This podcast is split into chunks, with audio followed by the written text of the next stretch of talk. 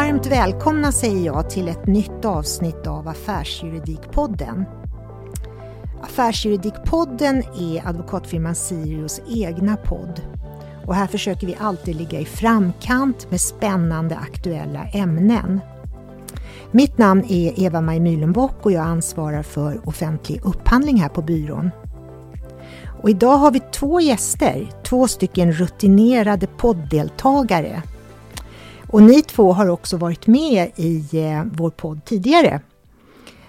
Och dessutom är ni båda välkända inom upphandlingsvärlden. Det är dels Morgan Jansson som är VD för Rättvist byggande och har en bakgrund som inköpschef på Stockholmshem.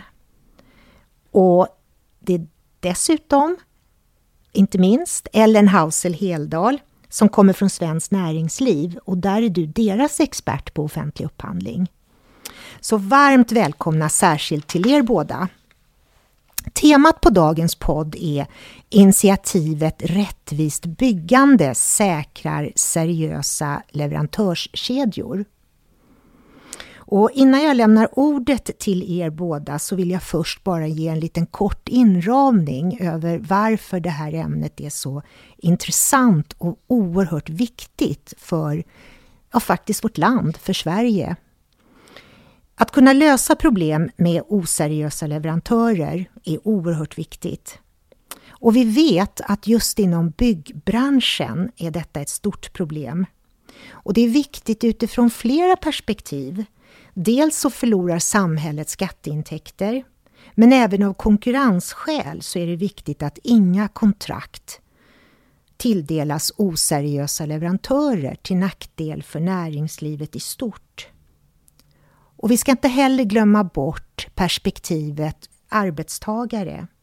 Utnyttjandet av arbetstagare. Det här är oftast väldigt sårbara personer som kan råka illa ut. Och med det sagt så vill jag börja med dig Morgan. Kan inte du berätta lite om rättvist byggande? Vad är det för något och hur har du tänkt när du startat det? Ja, tack så mycket för eh, inbjudan. Eh, jag kan ju såklart prata hur länge som helst och alla detaljer, men i grund och botten så är det en väldigt enkel tanke. Ehm, att eh, byggherrar som det gäller, som är i toppen av näringskedjan och beställer någonting, skriver ett avtal med ett företag. Och det är det som, det är det som gäller, för, förutom alla lagar som gäller i Sverige. Um, det förväntar sig beställaren. Uh, och i byggbranschen på den nivån när man pratar om stora entreprenader så det är inte jättestor konkurrens. Det finns inte jättemånga som lämnar anbud. Så priserna blir inte särskilt pressade. Vilket jag upplever är en sån förhärskande sanning att vi pressar ner priserna så det går inte att jobba lagligt. Men det är inte min upplevelse som inköpschef ett antal år. Eh, så kan det vara i andra branscher, men inte på de här stora.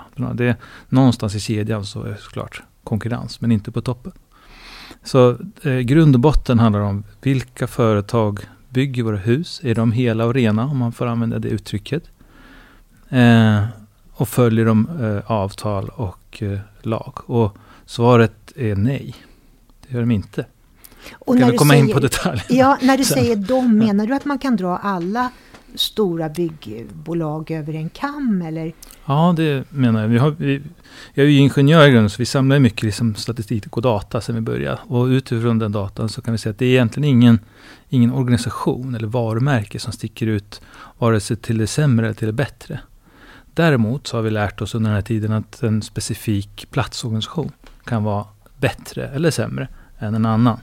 Men det har ingenting med vilket bolag man jobbar i. Vi har sett de här byta bolag också. Eh, så att en, en, eh, en hel organisation har jobbat inom, vi säger NCC bara som ett exempel, dyker upp sen hos eh, Veidek Veidekke eller Skanska. Så den är bra, men det har ingenting, det samma företag kan ha andra som är helt ja, genomruttna om jag får säga så. Så att det, har inte, det finns ingen inlärning upplever vi. Och nu har vi sett väldigt många byggprojekt. Vi har ungefär 200 igång inom vår apparat idag. Eh, så man kan, man kan liksom på något vis säga att det är ganska, ganska sant det som jag säger. Det är inte ett påstående utan det är vår upplevelse. Handlar det mm. om kontroll då? Kontroll på underleverantörer? Att säkra att det inte kommer in leverantörer som inte är seriösa någonstans långt ner i kedjan? Eller hur kan det vara så? Ja, eh, vet inte om alla lyssnare är så in jätteförstådd av byggbranschens struktur. Men det är viktigt att förstå för att förstå problemet. Att det är en av de branscherna som är mest fragmenterad. När vi ska utföra en, en entreprenad så behövs det ibland hundratals företag för att utföra entreprenaden. Eh, och där i ligger problemet skulle jag säga. Eh, det är en komplexitet och alla ska, ska förstå eh, uppdraget på samma sätt och vad som gäller. Eh, så det är otroligt svårt från början, ska jag säga, för alla inblandade. Och, och kanske inte lämpligt heller att det ser ut så, om man nu vill uppfölja eh, om man nu vill uppfylla avtalet och lagkrav. Men så är det i alla fall. Eh, och en del är bättre, lite bättre än andra. Men det behöver inte betyda att man, man som säger att det är bättre med tre led bara. Det är inte så enkelt, det är inte sammanhanget tycker jag. Utan det, någon kan vara bra på att kontrollera många led och någon klarar bara av två led. Men att ha koll på allt det här är ju såklart viktigt. Och hur mm. får man kollen då via rättvist byggande? Ja, nu ska jag säga så här som jag brukar säga faktiskt. Men byggbranschen är en av de häftigaste, mest handlingskraftiga och problemlösande branscher som vi har. Så om vi kan bygga ett kärnkraftverk, då kan vi lösa den här frågan också, om vi vill. Så kan vi suga på det. Varför har vi inte löst den här? För vi har vetat om problemet i ganska många år. Så jag tror inte att som kollektiv att vi i branschen vill det tillräckligt gärna. Jag förstår. Och, och det, det, kan ju vara provocerande, men jag kan inte se någon annan förklaring. För de få gångerna vi ser en väldigt bra process, och bra entreprenad, då är det också för att man vill. Det är tydligt, man vet vad kunden vill och man följer det. Och man vill själv samma sak. Då funkar Ska, det bättre. Ja, jag förstår. Ska vi låta den frågan vara lite svävande? För det känns ju som, den måste vi komma tillbaka till. Och sen lämnar jag istället ordet eh, till dig, Ellen. Hur ser eh, Svenskt Näringsliv på det här initiativet och andra initiativ? För just det här med oseriösa leverantörer måste ju ligga i näringslivets intresse att få bort. Absolut, det är ett stort problem i vissa branscher eh, med oseriösa företag. Och precis som du inledde med så är det här någonting som skadar marknaden. Eh, Mm, det skadar tilltron till den offentliga upphandlingen, det skadar tilltron till eh, att, att jobba med marknader, det skapar, skapar alltså problem vad gäller framförallt arbetstagarnas villkor. Vi måste ha vita företag som betalar skatt och sociala avgifter, det är en självklarhet. Och framförallt så märker vi ju själva i våra egna undersökningar att den här problematiken med låga anbudspriser är någonting som många företag lyfter upp och innebär att man inte kan konkurrera med de här företagen som inte betalar vita löner. Och det finns branscher där det faktiskt är en realitet. Och vi ser också branscher där de vita företagen helt och hållet lämnar marknaden. Och såklart att vi måste göra någonting åt detta. Jag har själv hållit på med en rapport som kommer komma inom ett par veckor och läggas ut på vår hemsida. Där jag har underrubriken Flera måste göra mera.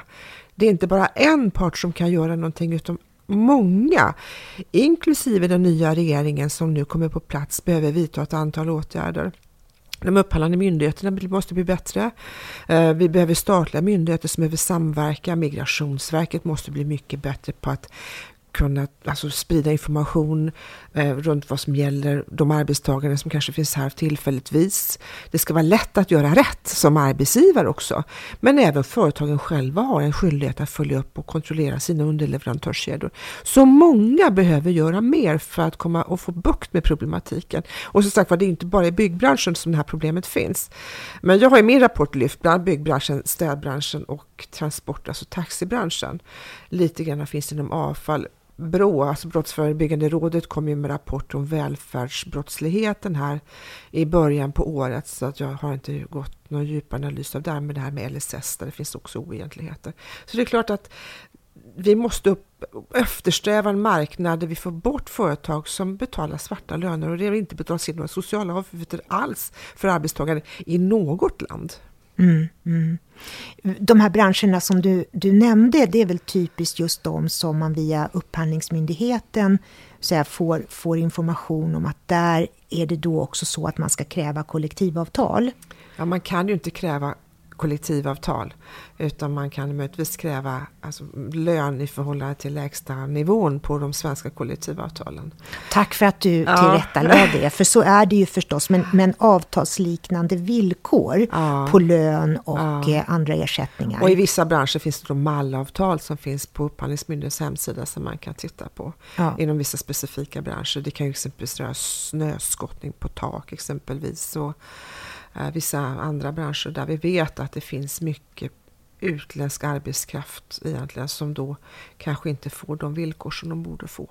Men om man nu har det kravet, för att när det gäller de just branscherna som, som du nämnde, då är det ju ett lagkrav att man ska ha avtalsliknande, alltså lön och villkor. Varför har inte det löst då? För så har ju vår lagstiftning sett ut ett tag.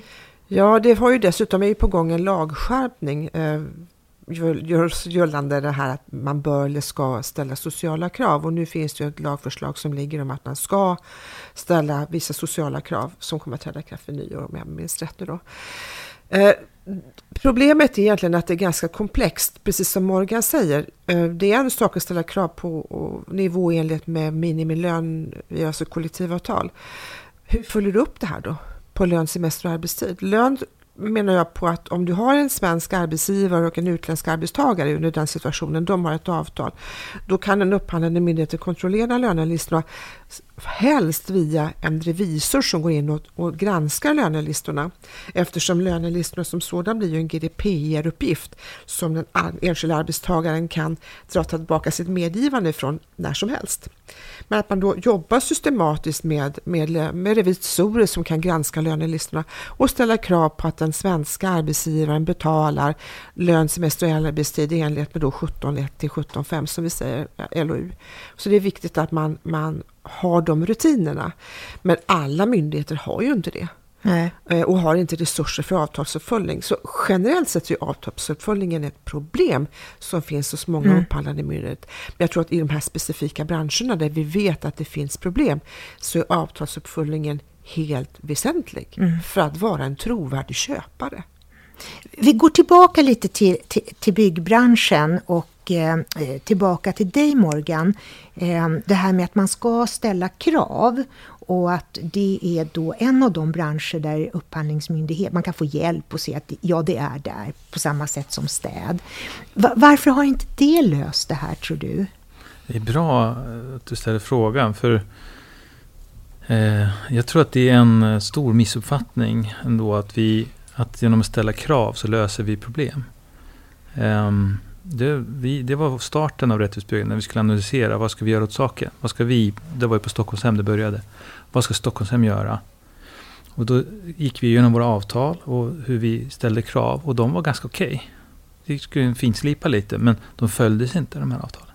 Så att lägga in fler krav skulle antagligen inte lösa problemet. Det var liksom vår första slutsats. Eh, utan vi måste ju se till att så mycket som möjligt av avtalen som redan är skrivna efterlevs.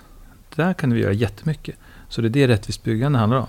Sen along the way så lär vi oss saker och vi finslipar avtalen och, och sådär också såklart. Men um, om vi tycker liksom att uh, om vi, om vi tycker att, eh, jag brukar säga att branschen står i lågor ibland. Det brinner. Det här är en jätteallvarlig situation för byggbranschen.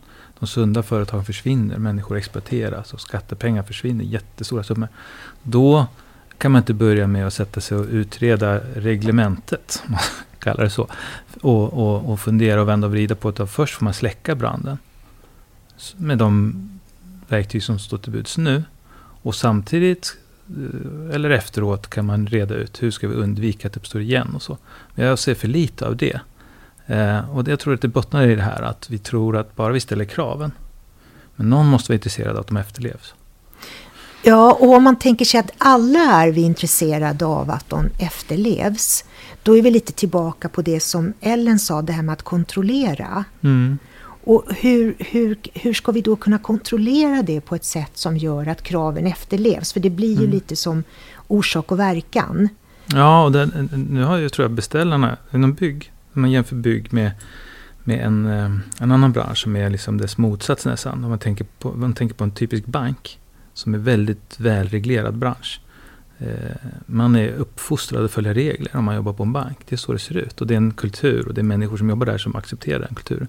Då är byggbranschen nästan det motsatta.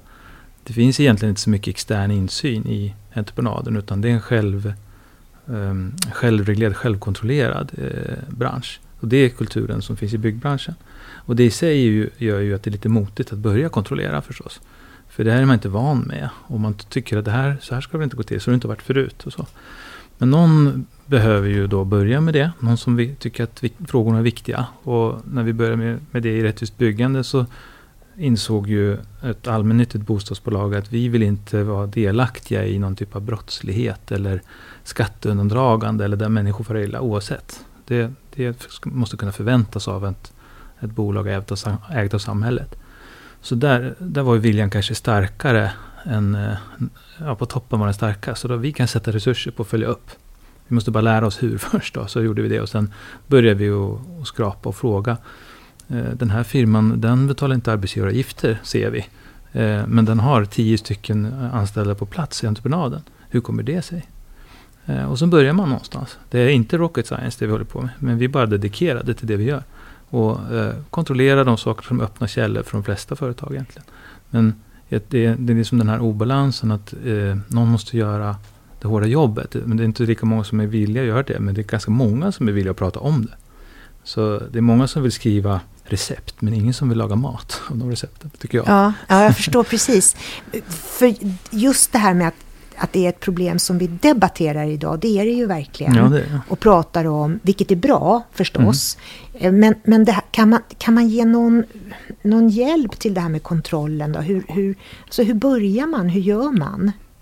Om det nu är så att, att det på så många håll faktiskt slarvas med eller man inte riktigt har, vad vet jag, resurser eller man litar helt enkelt på någon som säger att det här sköter vi mm. tänker jag. Stickprov är bra. Man mm. måste få någon uppfattning först.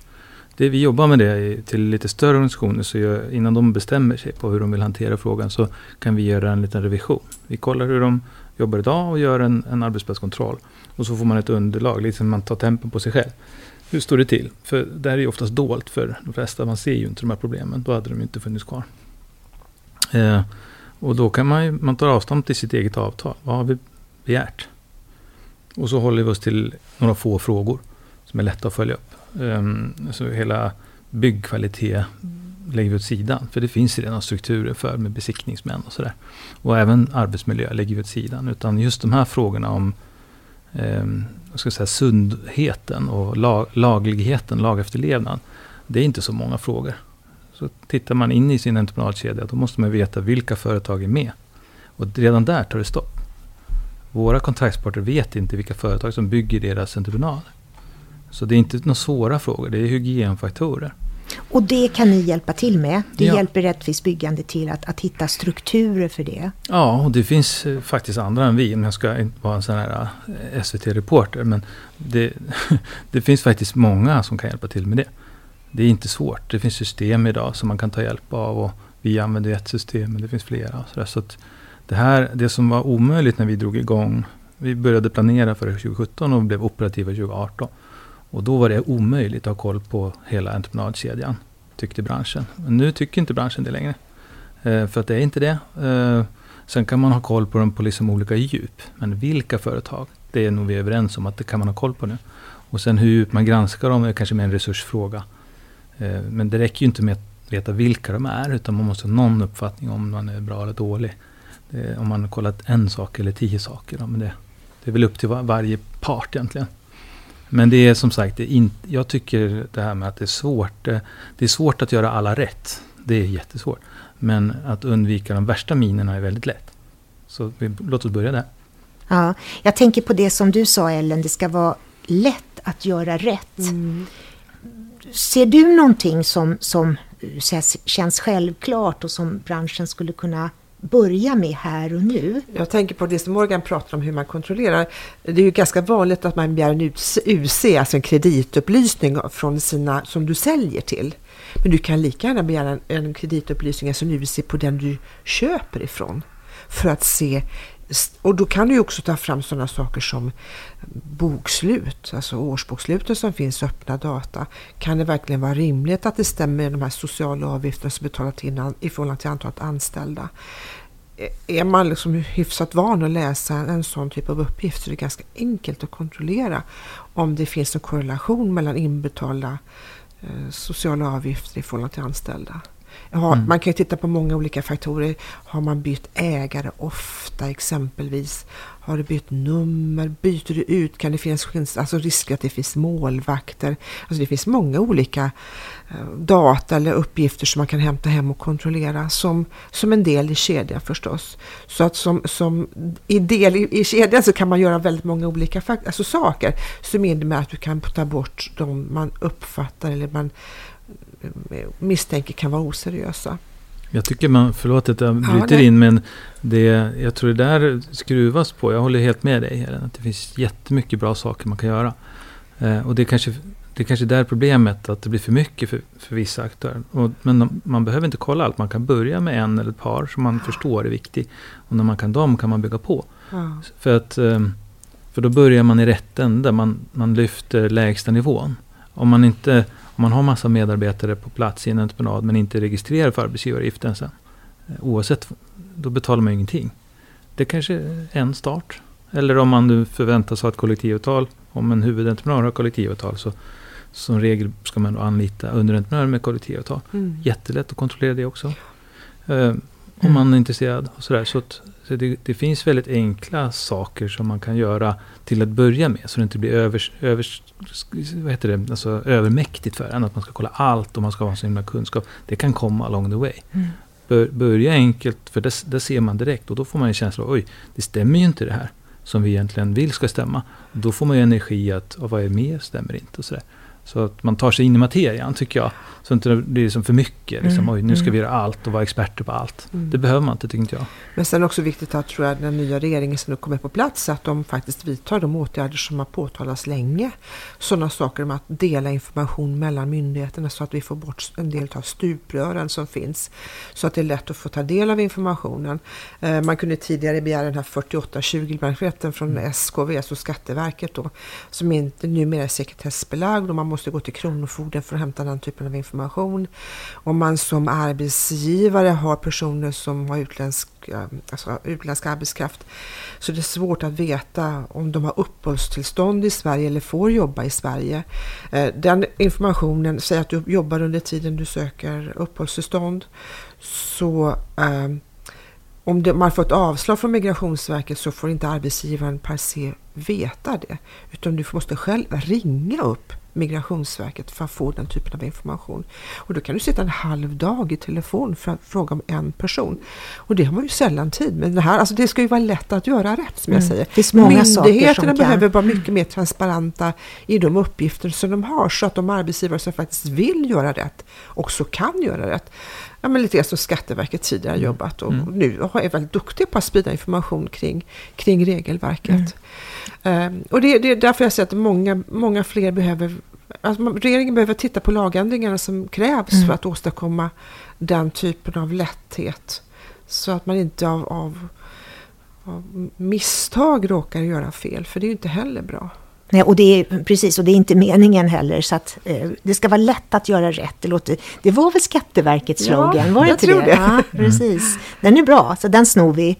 Eh, jag, jag, tänker på en annan sak när vi pratar om intyg. Det är, alla vi som jobbar med upphandling känner ju till det här med att man ska, eh, man ska då eh, så garantera att man inte är dömd för vissa brott och har gjort vissa saker där det då är en obligatorisk uteslutning enligt lag. Eh, och det är det här eh, ESPD-dokumentet som vi alla har fått gråa hår av. Eh, men där har det ju ganska många år pratats om att vi ska kunna få ett, ett utdrag ur brottsregistret även i Sverige som kan användas. Och där är vi ju inte än. Så ser det ut i andra EU-länder. Ja, Känner du till? Ja, alltså det är ju så att lagstiftningen säger att du ska som myndighet begära ett utdrag från belastningsregister från de legala och faktiska företrädare för bolaget. Men det, alltså, det är ju ogörligt. I Sverige är det I Sverige, ogörligt, men ja. det handlar ju om många, många hundratusen utdrag från belastningsregistret varje år i så fall. Med alla legala och faktiska företrädare för ett bolag som lägger anbud i en offentlig upphandling. Det är alltså inte fysiskt görligt och det har ju Upphandlingsmyndigheten, polisen, SKR, Svenskt Näringsliv med flera påtalat för regeringen i omgångar att man måste hitta ett annat system. Eh, I Finland har man exempelvis valt att, att ändra lagstiftningen så de här uteslutningsgrunderna i 13 kapitlet som finns då, 13.1 till 13.3. Eh, där, där har man ändrat så att brottsbalksbrotten stämmer överens med de uteslutningsgrunderna. Men jag menar, exempelvis en obligatorisk uteslutningsgrund att du eh, del, alltså deltar i en organiserad brottslighet. Men det finns ju ingen sån brottsrubricering i Sverige idag. Även en organiserat jaktbrott kan vara organiserad brottslighet enligt 13.1 så skulle egentligen rendera till en, obligatorisk uteslutning. Så i realiteten är den här bestämmelsen väldigt svår att hantera. Och även om du skulle få ett utdrag från belastningsregistret som myndighet, förutom den offentlighet och sekretessproblematik som man kan lägga på den frågan, så är det väldigt svårt att bedöma om det här brottet verkligen är någonting som innebär en obligatorisk uteslutning. För då måste du läsa, läsa domskälen och inte bara domslutet i den här brottsbalksdomen. Och det gör man kanske inte riktigt som, som vanlig Mm. lekman. Och därför har man ju som Danmark, där kan man skicka in personnumren till Polismyndigheten och få grönt eller rött ljus. Där Ja, men det verkar väl Polismyndigheten jättesmart. själv liksom Ja. gör den här granskningen. För de faktiska och legala företrädare för bolaget som man då vill granska. Och det är väl också lite grann det som, som jag Morgan har jobbat med i sitt, sitt arbete. Och det här, det här frågan har ju varit högaktuellt ända sedan lagen trädde i kraft, alltså första första 17. Och det är fortfarande gått så många år, det har fortfarande inte hänt någonting från regeringen trots på upprepade brev tillskrivna regeringen att den här frågan måste få en lösning. Så vi får hoppas att den nya regeringen tar itu med den här frågan. För Vi har ju en ny minister. Ja, precis. Han kanske lyssnar på den här podden, vem ja, vet? för nu är problemet att jag tror att det här ligger på justitiedepartementet och kanske inte på finansdepartementet. Ja, då får det ändå vara så att det intresserar Ja. honom, tänker jag. För att det här, det här skulle ju underlätta mycket. Nu kom vi in lite på just kapitel 13 och där det ju är ett, ett stort... Eh, Ja, men det är ett stort ansvar för upphandlande myndigheter eftersom det är de här obligatoriska uteslutningsgrunderna och man vill inte missa om och just att man vill göra rätt. Och där har du ju också engagerat dig Morgan i, i kapitel 13. Mm. Vill du berätta något om det? Ja, det började egentligen att, vi, att jag hade, det var det vi pratade om förut en gång i, i podden, att, eh, att jag hade en delningsfunktion, alltså, som heter Sveriges offentliga varningslista, där upphandlare kan dela med sig av faktiska uteslutningar Eh, på ett strukturerat, rättssäkert sätt. Men, eh, och det var jättestort intresse. Men den flög inte riktigt, det var ingen som ville dela med sig. Så försökte jag förstå varför och fick återkoppling. Ja, men det var, man hade inte riktigt kött på benen. Man visste, men man kan inte sprida. Och så här. Och då tyckte jag, men det där, jag, jag tror att det där problemet går att lösa. Alltså att, att man kan få reda på åtminstone eh, 13.1, alltså när det gäller brott, lagakraftvunna domar, som är tydliga på de punkterna utan att man hanterar personuppgifter. Det är ju det som är känsliga. Eh, för man kan inte sitta och slå alla eh, eh, för, företrädare. Det hinner man inte. Men då utvecklade jag en, en, en, en, en ganska enkel IT-lösning. Där du som användare knappar in ett organisationsnummer. Och det här systemet tar själv reda på vilka som är styrelse, verklig huvudman och VD. Utan att användaren får reda på det egentligen. Och sen skickar den vidare till ett annat system. Som en rättsdatabas som håller koll på fällande domar. Och kollar, finns de här personerna med i några fällande domar de senaste fem åren? Och så filtrerar man bara på de här brotten som då är uteslutningsgrundande. Och så får användaren reda på det. En företrädare, inte vilken, har begått mutbrott. Du kan begära ut den här domen från Solna tingsrätt till exempel med referensnummer 123. Så att eh, tjänsten i sig lagrar inte eller hanterar inga personuppgifter. Den bara plockar ut en nål i en hörstack kan man säga. Och då kan ju upphandlaren själv begära ut domen. Och då anser vi att man har rätt att hantera den också. När man har den här grunden för en uteslutning. Och det är bara det man är ute efter. Då. Så den, själv tycker jag att den är genial. Rättvist byggande Om du får säga det själv så är det genial. ja, ja, det, det, kommer, får, det får men, och, du. jag, och, och jag är liksom kund till mig själv i det där. Alltså, Rättvist byggande kontrollerar alla UE till alla 23 medlemmar som är stora fastighetsbolag. Alla hundratals företag eh, granskas. Eh, bland annat enligt det här, vi använder ju alla verktyg som står till buds. Eh, men bland annat den. Och det är ungefär 10 000 slagningar nu som, som andra an, organisationer har gjort. Som har testat och blivit kunder i den. De flesta är offentliga såklart. Och eh, nu vågar jag säga hur många som fastnar. Det är ungefär 10 000 och det är 127, nej, 128 idag som har fastnat som en uteslutningsgrund. Så jag vågar liksom påstå att 99 procent av våra företagare är seriösa och 1 procent är oseriösa i den bemärkelsen som LOU 13 kapitlet säger. Väldigt välgrundat påstående faktiskt. 10 000, av 10 000 det är bra data. Och det är också skönt att 99 procent är seriösa. Det är ju, eller hur? Då är det, då är det bara den en procenten som vi Verkligen. jobbar mot. Verkligen. Och det gör det ändå viktigare att, att man brukar ju prata om eh, att det, finns, det kan finnas en rutten frukt i en fruktskål och så. Och det här blir liksom ändå mindre än, men inte desto mindre så är det så oerhört viktigt att, att få bort en sån oseriös leverantör för allas vår bästa. Och sen ska man, jag ska bara lägga till det att när vi pratar byggbranschen så är ju det är en, en upphandlare som handlar upp en, ett stort företag. Och då eh, gäller ju LOU oftast för en offentlig upphandlare. Men alla de andra hundratals företagen som tas in för att leverera den här entreprenaden. De eh, lyder inte egentligen under LOUs upphandlingsregelverk. Men det går i alla fall att använda den här. För att vi har ju sagt att det som gäller huvudentreprenören, det ska också gälla alla som hjälper till i den här entreprenaden. Så ska kontraktskonstruktionen se ut. Och då, men vi använder den ju inte på ett samma sätt som en offentlig upphandling. Då säger vi till huvudentreprenören. Hörrni, den här firman har en VD som precis blev bedömd för mutbrott. Det tycker inte uh, byggherren är lämpligt. att Vi vill inte att det ska finnas sådana element. Vad tycker ni själva? Liksom? Och då säger de, och nej det tycker vi inte såklart vi heller. Vi måste hantera det, jag visste inte om det. Och så så det, även om man inte är offentlig så har man ju liksom nytta av samma information. För det hade man antagligen inte tidigare. De sitter ju inte heller och gör sådana här slagningar. Mm. Eh, även om det faktiskt en del, några få byggbolag gör det, vet mm. jag. Då kanske direkt i en rättsdatabas istället. Och jag kallar det för vandelkontroll, vet jag, en storbyggare som, som mm. gör. Mm. Så, men det är inte så vanligt. Mm. Ja men vad intressant mm. och, och jag kan hålla med om att det där är eh, snudd till genialiskt. Mm. Eh, vi ska börja runda av lite grann, men eh, innan den avslutande frågan så får vi inte glömma det här som vi på något sätt lät vara lite svävande. Eh, som du sa Morgan, att man måste vilja också. Vill du kort kommentera det eller du kanske har berört det redan nu att, att Nej, det krävs en insats, tänker jag. Ja, det krävs en insats. Jag ska säga så man förstår rättvist byggande. Nu har vi bara pratat om kontroll av företag och det är fortfarande en, en det är en skrivbordskontroll. Och det räcker inte det heller. Så vill man så måste man söka där man tror att man finner. Man kan inte, om man tappar sina nycklar på natten, så kan man inte bara le, liksom leta under lyktan. För de kan ha tappats utanför ljuset. Va?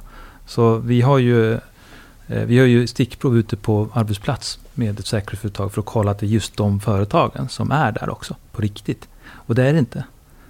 Eh, när vi började med det här så de träffade, de, det var mer än hälften av företagen som vi träffade på ute på plats som aldrig var anmälda och granskade. Och nu är det på 25 procent. Det är fortfarande en fjärdedel av alla företag på plats som aldrig har varit granskade.